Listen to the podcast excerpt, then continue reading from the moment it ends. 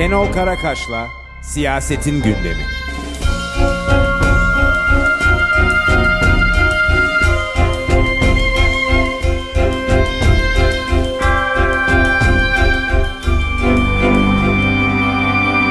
Herkese iyi haftalar arkadaşlar. Geçtiğimiz 2-3 haftada birbirinden vahim gelişmeler e, gündemi belirledi. E, iki gün önce meclisten geçen e, son torba yasa bir dizi e, içine garip e, otoriterleri güçlendiren yasaların serpiştirildiği e, torba yasadan daha vahim bir yana sahipti. E, Birleşmiş Milletler Güvenlik Konseyi'nin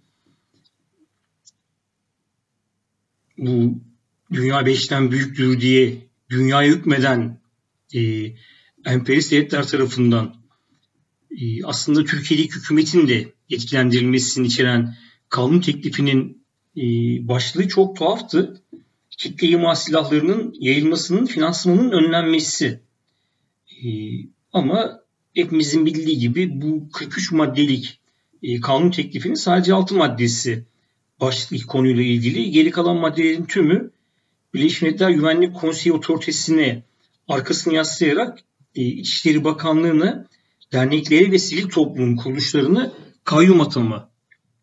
E, bu son 3-4 yıldır moda olan e, halkın oyuyla seçilen e, yöneticilerin yerine atanmış temsilcilerin e, geçirilmesi anlamında kayyum atama, kapatma, yöneticilerine ceza verme, mal varlıklarına el koyma. Bütün bunları içeren e, bir dizi yetkiyi veriyor e, otoriteleri. E, Agos gazetesinde geçen hafta baskın oran e, madde madde e, bu yasayla ilgili e, girişimi arka planını deli alarak e, bir yazı kalem aldı. Bunu herkesin okumasında e, fayda var. 600 sivil toplum örgütünün e, karşı çıkmasına rağmen e, geçirilen bu yasa e, özetle 15 Temmuz darbe girişiminin ardından 5 gün sonra 20 Temmuz'da ilan edilen 3 yıl süren olağanüstü rejimini baskın oranın tabiriyle kalıcı hali getirdi. Bu yasanın anlamı bu. O yüzden yasanın gerçek adını demokratik örgütleri kayyum yasası olarak ele almakta fayda var. E, zira bu yasayla dernek ve vakıfları e, Cumhurbaşkanı e, bu dernek ve vakıfların mal varlıklarına e, el koyma etkisini kazanıyor.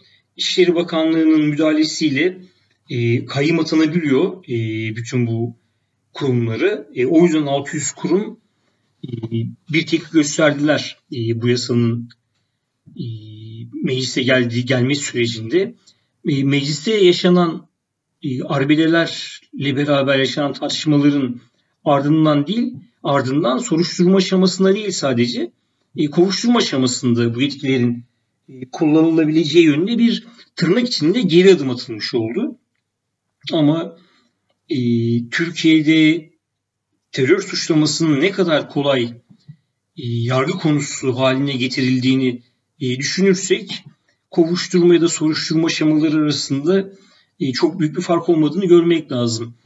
E, bir gazetede e, bir yazar önce e, dikkat edin bu yasayla İslam derneklerde İslami kaygılarla e, dernek faaliyeti yürüten kurumlardı e, müdahaleye maruz kalabilir diye paniklemiş bir şekilde e, sosyal medyada e, biraz sesini çıkarttı.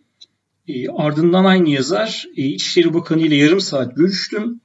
E, İslam dernekleri bir şey olmayacakmış dedi. E, bu hukuksal ilişkilerin e, nasıl bir e, evreye e, ulaştığını gösteren çok vahim bir yorum. E, birincisi hukuki süreçler, hukuk kişisel sözlerle alakalı bir şey değil. e, bir gelip geçici bir devlet yetkilisinin e, bu çıkan yasa aslında size dokunabilir ama biz varken e, dokunmayacak sözünü veriyor olmasının hukuk, hukuk bağımsızlığıyla alakası olmadığını görmekte büyük fayda var. İkincisi ve benim daha dikkatimi çekense e, bu sözü veren e, İçişleri Bakanı'nın iktidarın asla değişmeyeceğini ima etmiş olması. E, sonuçta e, madde madde her yönüyle demokratik kazanımları e, derneklerin elinden söküp alan e, bir yasal müdahaleyle karşı karşıya durumdayız ve içinden geçtiğimiz siyasi iklimin mimarisi nedeniyle büyük gösterilerle bu yasaya karşı çıkılamamış olsa da e, şimdi önemli olan bu yasanın geri çekilmesi için e, durdurak bilmeden e, ses çıkartmaya devam etmek. Bunu e, sahici bir kampanya konusu haline getirmek ve e, sadece kampanya konusu haline getirmek değil, etrafında demokratik haklarını güvence altına almak isteyen yüzlerce, binlerce, on binlerce insanın e, kampanya yapacağı e, çok önemli bir konu olarak ele almakta büyük fayda var. E, çünkü bir yandan da bu yasa gösteriyor ki iktidar seçimlere kadar sistematik bir şekilde bu ve e, başka sürpriz yasalarla, torba yasalarla e, demokratik alan üzerindeki, kaldığı kadarıyla demokratik alan üzerindeki e, baskıları arttıracak. E, buna benzeyen bir diğer gündem de e, geçtiğimiz günlerde e, Ömer Faruk Gergerlioğlu etrafında yaşanan bir tartışma. Ömer Faruk Gergerlioğlu'nu yıllardır tanıyoruz. Hepimizin çok iyi bildiği gibi Gergerlioğlu'nu tarif ettense sadece sadece ve sadece mazlumlarla dayanışma gösteren bir aktivist diyebiliriz. Bu dayanışmasının da bedeli sürekli olarak kendisine ödetilmeye çalışılıyor. Geçmişte e, 27 Mayıs'tan devrederek gelen e, darbeci e, zihniyet Ömer Faruk Ger Gergerlioğlu'nun e, karşısında durduğu bir gelenekti ve bu darbeci zihniyetin mağdur ettikleri insanlar, e, sosyal gruplar yanlarında Ömer Faruk Gergerlioğlu'nu e, bulmuşlardı.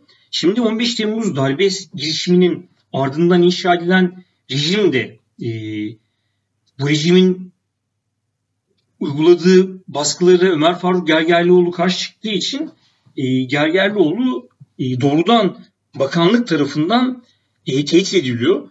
E, Gergerlioğlu'na yönelik suçlu ama e, Türkiye'de giderek garip bir hale, hale ulaşan FETÖ'cülük suçlaması e, hepimizin bildiği gibi bir düşmanlaştırma aparatına dönüşmüş vaziyette. Herkes herkesi FETÖ'cü olmakla suçluyor. Birisi birisine FETÖ'cü dediğinde asıl FETÖ'cü sensin yanıtı veriyor. E, iktidar muhalefeti, muhalefet iktidarı e, Fethullahçı darbecileri bulaşmış olmakla e, dolayısıyla yargılanmak zorunda olduğuyla e, tehdit ediyor. Tabii ki özellikle e, yargı mekanizmasını etkileme şansına sahip olan iktidar e, bu suçlamayı sık sık gündeme getirmesiyle birden çok hedefi aynı anda vurmaya çalışıyor ve şöyle bir dizi e, sonuçla karşı karşıya kalıyoruz. E, birincisi 15 e, Temmuz darbe girişimine liderlik eden koalisyonun aktif bir bileşeniydi. Fethullahçı darbeciler bu karargahlardaki sivil tiplerden belliydi. Bu sivil tiplere askerlerin saygı göstermesinden e, anlaşılıyordu bazı e, görüntülerde. E, herkesin Akıncı Üssü civarında e, tarla bakmaya e, gelmiş çıklayan tam da darbe günü tarla bakmaya gelmişken adamların e, gerçek yüzü konusunda e, kesin bir kanaati var Çin'den geçtiğimiz günlerde. Ama e, bu darbeye bulaşmış, darbeyi planlamış, darbenin planlanma sürecine katılmış ve doğrudan darbe girişim içerisinde yer almış olan insanlar dışında e, kalan herkesi giderek e, tehdit altında e, tehdit altına alan bir suçlamaya dönüştü. Yani giderek bir manipülatif aparat haline geldi. Bu giderek herkesin beğenmediği, yanlış bulduğu siyasi anlayışları e, şeytanlaştırmak, e, suçlamak, hedef göstermek için kullandığı e, bir araca dönüşmeye başladı. E, iktidarın bu aparatı kullanma tarzı bütün siyasal dokuyu, medya alanını, yargıyı e, giderek belirlemeye başladı. E, insanların, grupların, bireylerin, çevrelerin, yazarların bununla gerçekten bir alakasının olup olmadığından bağımsız olarak e, suçlamaya, lekelemeye yönelik e, bir e, kriminal ortam yaratılmaya çalışılıyor. çalışılıyor. Bu da e, gerçek darbecilerin, e, Fethullahçı darbecilerin başını çektiği darbecilerin e, muhtemelen çok işine geliyor. Çünkü e, herkese FETÖ'cü suçlaması yapılmaya başlandığında çok kudretli bir örgütten e, bahsedildiği e, düşünülebilir.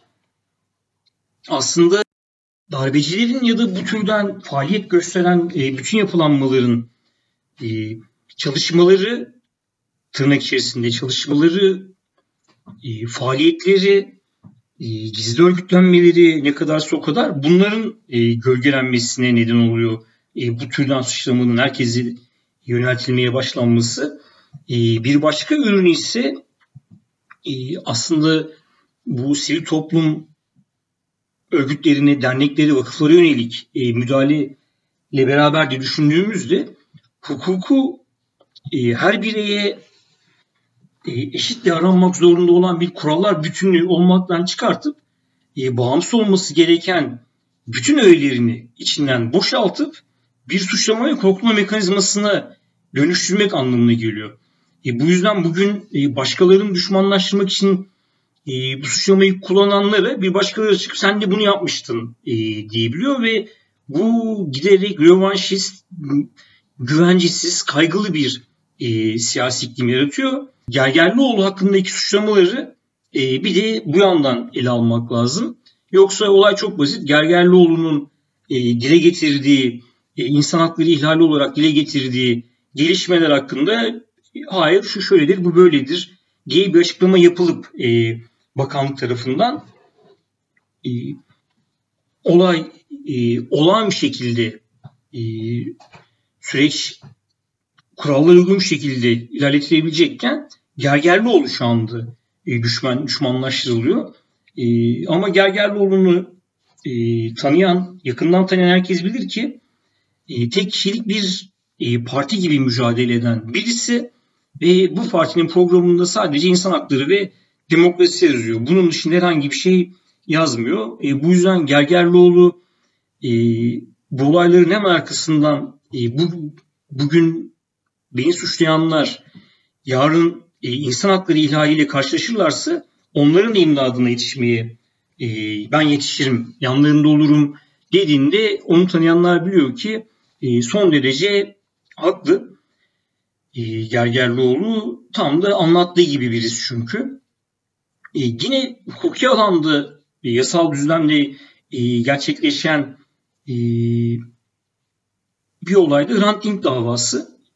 E, Hrant Dink davası ikinci dönem e, Hrant Dink'in öldürülmesinde dahil olan kamu görevlilerinin yargılandığı dava birdenbire hızlandı. E, bitirilme e, sürecine girildi. E, son mütalalar isteniyor taraflardan. Sanıkların bazıları hızlandırılmış şekilde dinleniyor ve e, biz e, aynı zamanda sadece 19 Ocak'ta Hrant'ın öldürüldüğü yerde e, anmayı düzenleyen katılanlar değil, aynı zamanda her mahkemede e, bu pandemi koşulları öncesi e, mahkeme binasının önünde e, biz bitti demeden bu dava bitmez diyenler, e, Hrant'ın arkadaşları grubu olarak faaliyet sürdürenler, e, Hrant için, adalet için hepimiz Hrant'ız, hepimiz Ermeniyiz e, sloganlarını atanlar açısından e, ilginç bir gelişmeyle e, karşı karşıyayız. Bu ilginçliği şöyle tarif etmek mümkün. E, her ne olursa bütün bu yargılama süreçlerinde nasıl bir sistematik düşünülürse düşünsün bu yargılama bu davaların siyasi iktidar tarafından ya da egemen güçler tarafından rahat rahat kullanabileceği zeminleri dönüşmesini engelliyor. Sadece bir derin devlet odağının üzerine yıkılması mümkün olmuyor. Bu davaların bütününde yargılanan insanlara bakıldığında ve Hrant Dink'in e, katledildiği sonunda katledildiği sürecin kıştaşlarını e, döşeyenlere bakıldığında e, böyle bir şeyin zaten mümkün olmadığı görülüyor. E, Hrant Dink kendisini çeşitli nedenlerle öldüren bir koalisyon tarafından sistematik bir şekilde hedef gösterildi. Hedef tahtasına yerleştirildi. Bunda e, yargı alanı, istihbarat alanı, polis alanı, jandarma alanı, e, özellikle medya alanı, hatta üniversiteler alanı, e, bütün bunların rol olduğunu hepimiz biliyoruz. E, ama Rant'ın ölümünün arkasından patlayan e, içinde ırkçılığa karşı e, öğeler, öfke, kızgınlık barındıran e, o hareket o kadar büyüktü ki e, kim ne murad ediyorsa etsin e, bunu gerçekleştirmesi mümkün olmadı. E, Türkiye'nin siyasi iklimine göre e, cinayetin sorumluluğu şu ya da bu gruba yıkılmaya çalışılsa da e, çok geniş bir kesimin e, bu cinayette dahil olduğu açığa çıktı. E, şu anda belli ki e, daha fazla uzatmadan e, şimdiki dava süreciyle e, yeterlilik vermek istiyorlar. Ama e, bu davaların böyle bitmeyeceği e, Hrant'ın arkasından e, yürüyen insanların ortak bir talebi ve yüz binlerce insanın vicdanına değen bir talepti. O yüzden de gelişmenin seyri ne olursa olsun e, Hrant'ı öldüren, öldür diyen, öldürüleceği bilgisine sahip olmasına rağmen buna göz yuman, Hrant'ı tahtasına oturtan bir bütün koalisyonun tamamı e, yargılanmadan, ayıklanmadan ve bu bir genel demokrasi mücadelesinin bir parçası olarak e, gerçekleştirilmeden Hrant Dink'in mirasına uygun e, bir şekilde davranılmayacağını bildiğimiz için e, bu yargılama süreçlerinden bağımsız olarak e, Hrant Dink etrafında, onun adı etrafında bu cinayetin bütün e, karanlık yönlerinin aydınlatılması talebiyle mücadele edenler mücadelesine ara vermeyecek ve er ya da geç e, bu mekanizma bütünüyle e, açığa çıkartılacak. Bu da zaten e, siyasi iklimdeki radikal bir değişmeyle, değişiklikle e, baş başa gidecek. E, son olarak e, bütün bu yargılama e, adımları ile ilgili e, Osman Kavala ve Selahattin Demirtaş ile ilgili e, gelişmeler oldu. AYİM'in Demirtaş kararı var. E, bu karara henüz e, uyum göstermedi Türkiye. E, Anayasa Mahkemesi'nde Osman Kavala ile ilgili e, önümüzdeki günlerde oturumu olacak. E, ama biz artık biliyoruz ki Demirtaş ile ilgili dava e, çözüm sürecinin bütününe ilişkin o süreçte e, Türkiye'de elde edilen bütün demokratik kazanımlara ilişkin bir davaya dönüştürülmüş şekilde e, ve bütün bu e, hukuki olarak içinden geçmekte olduğumuz e, debdebeli dönemde e, önemli bir köşe taşı olarak duruyor. E, çözüm sürecinin hayaletlerine bile e, tahammül edemeyen bir anlayış e, Demirtaş'la ilgili ahim kararının da e, kararın uygun e, tutum alınmasına da e, engel koyuyor. E, Demirtaş davası nasıl e, Kürt sorununda çözüm sürecinin bütün kazanımlarının e, sökülüp atılması anlamına geliyorsa e, Osman Kavala davası da e, sivil toplum, bireysel özgürlükler, e, kültürel çalışmalar, halklar arasında diyalog, eşitlik, demokratik anayasa, barış, kardeşlik gibi konularda e, sivil toplum faaliyetine yönelik bir gözdağı olarak e, ele alınmalı. E, bu açıdan bu iki dava e, sadece Osman Kavala ve Demirtaş'ı alakadar eden davalar olmaktan e, çoktandır e, çıkmış vaziyette. Demokratikleşme sürecinin kaderini belirleyecek e, ya da yol haritasını e, çizmeye yarayacak, bu konularda kapı aralayacak simgesel davalar haline gelmiş durumda. E, izlemeye, e, tutum almaya devam etmek gerekiyor. E, en son söyleyeceğim e, bu haftayla ilgili toplumun büyük çoğunluğunda e, derin bir yoksulluk varken pandemiyle beraber e, bu yoksulluk siyasi tercihlerle de e, el ele gidip e, daha da derinleşirken e, asgari ücret e, komisyonunda e, henüz sendikaların e, duymaktan biraz olsun hoşlanabileceği bir teklifin gelmemiş olması e, bu bu haftanın ve önümüzdeki günlerin en önemli konularından birisi olmayı sürdürecek. Asgari ücret e, nüfusun büyük çoğunluğu açısından e, çok yaşamsal bir meblağa tekabül ediyor. E, her ne kadar e, Bakan Selçuk, Çalışma Bakanı Türkiye'de yoksulluk sorun olmaktan çıktı dese de e, bunu olumlu olarak görmemek lazım. Çünkü yoksulluk değil Türkiye'de açlık e, çok ciddi bir sorun halinde. E, bakan bu anlamda söylememiştir ama tersten e, söylemeye çalıştığı doğru. Çalışanların %43'ü asgari ücret alıyor. Ortalama ücretler de asgari ücrete çok yakın şu anda. Çalışanların eline ortalama ayda 2500 lira 3000 lira arasında bir e, para geçiyor. 4 kişilik bir ailenin açlık sınırı 2500 lira. Yoksulluk sınırı ise e, 8000 lira civarında. E, yani bir evde bir iki kişi çalışsa bile yoksulluk sınırını geçemiyor. E, bu açıdan da çalışan nüfusun %43'ünün e, aldığı ücretin belirlenmesinde asgari ücret tespit e, komisyonu sendikaların istediğine e, yakın bir mevlayı gündeme getirmek zorunda. E, geri kalanının kabul edilmesi mümkün değil. E, bu anlamda da e, üç sendikanın e, ortak basın açıklaması yapmış olması e, Türk İş'in, e, DİSK'in e, ve AKİŞ'in e, ortak tepki göstermesi, asgari ücret komisyonuna taleplerini bildirmesi, e, Türk İş'in e, en az 3 bin liranın iş yeri mutlu edeceğini e, söylemesi, e, her ne kadar 3 bin liranın iş yeri mutlu etmesi ihtimali yoksa da en azından sendikaların ortak bir talep etrafında e, bir araya gelip e, birlikte basın açıklamaları e, yapacak olmaları e, çok önemli gelişmeler.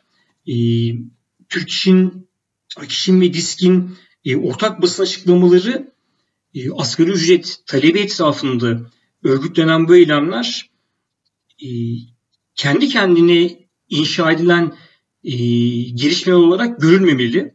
E, birçoğumuzun çok uzun zamandan beri altını çizdiği çalışanlarda, işçi sınıfında, yoksullarda, ezilenlerde e, o aşağıdan e, mayalanan biriken öfke ortak kanallar yaratmak konusunda e, bütün kurumların e, bu türden e, öfkeli eğilimleri kapı açmayı asla düşünmemesine rağmen e, sendikal liderliklerin yan yana gelmesini zorunlu kılıyor.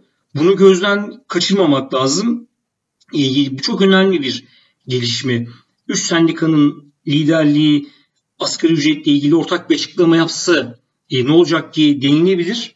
Ama böyle dememek gerekiyor. Bunu çok önemli bir gelişme olarak e, görmek lazım. Sosyalizmi, iş sınıfının mücadelesinin bir milim bile olsa e, her düzeyde birleşmesi olarak e, bu konuda ortaya konulacak çabalar olarak e, görüyorsak e, bu ortak basın açıklamasını aşağıdaki ortak öfkenin liderliklerin kendisinden kaçınamayacağı bir hale gelmesi bunun bir ifadesi olarak e, görmek lazım.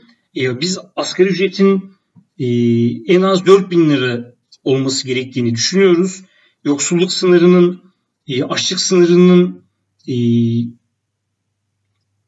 bu toplumun büyük çoğunluğunu e, nasıl etkilediği apaçık ortadayken 3000 lira da e, e, kabul edilebilecek olan bir meblağ değil. E, 4000 lira gibi bir e, 4000 lira civarında bir ücretin e, asgari ücret olarak kabul edilmesi e, sendikaların talebi olmalı. E, bu sendikaların yan yana gelmesi konusundaki eğilime e, aşağıdan öncü işçilerin, işçi aktivistlerin e, ciddi bir basınçla e, destek vermesi bu eğilimi kalıcı bir birliğin 2000'li yılların e, büyük ya da 1900'lü yılların 1990'lı yılların büyük Birleşik Emek Örgütleri eylemlerini hazırlayan o formlarına ulaşmak için e, değerlendirmeleri gerekiyor. E, asıl olan e, Türkiye'de öfke yokluğu, kızgınlık eksikliği değil, asıl olan iş sınıfının eylem kapasitesinin açığa çıkmasının engellenmesinde hem yukarıdan aşağı egemen sınıf örgütleri aracılığıyla bunun engellenmesinde hem de işçilerin kendi örgütlerinin ataletinin e, durgunluğunun e, liderliklerin kibarca durağanlığının e, diyelim bunu engellemesinde e, o yüzden bu e, mevcut olduğunu bildiğimiz hepimizin bir ölçüde yaşadığı, hissettiği, tanık olduğu e, öfkenin bütün ezilen kesimlerin ortak öfkesine dönüşmesi için e, asgari ücret e, mücadelesinde bir ölçüde simgesel olarak da yan yana gelen emek örgütlerinin birliğini önemsemek ve çok daha büyük bir e, mücadeleci birleşik işçi zemininin yaratılmasında bir manivel olarak görmek gerekiyor. E, önümüzdeki hafta muhtemelen yılbaşından sonra görüşmek üzere. Herkese iyi yeni yıllar.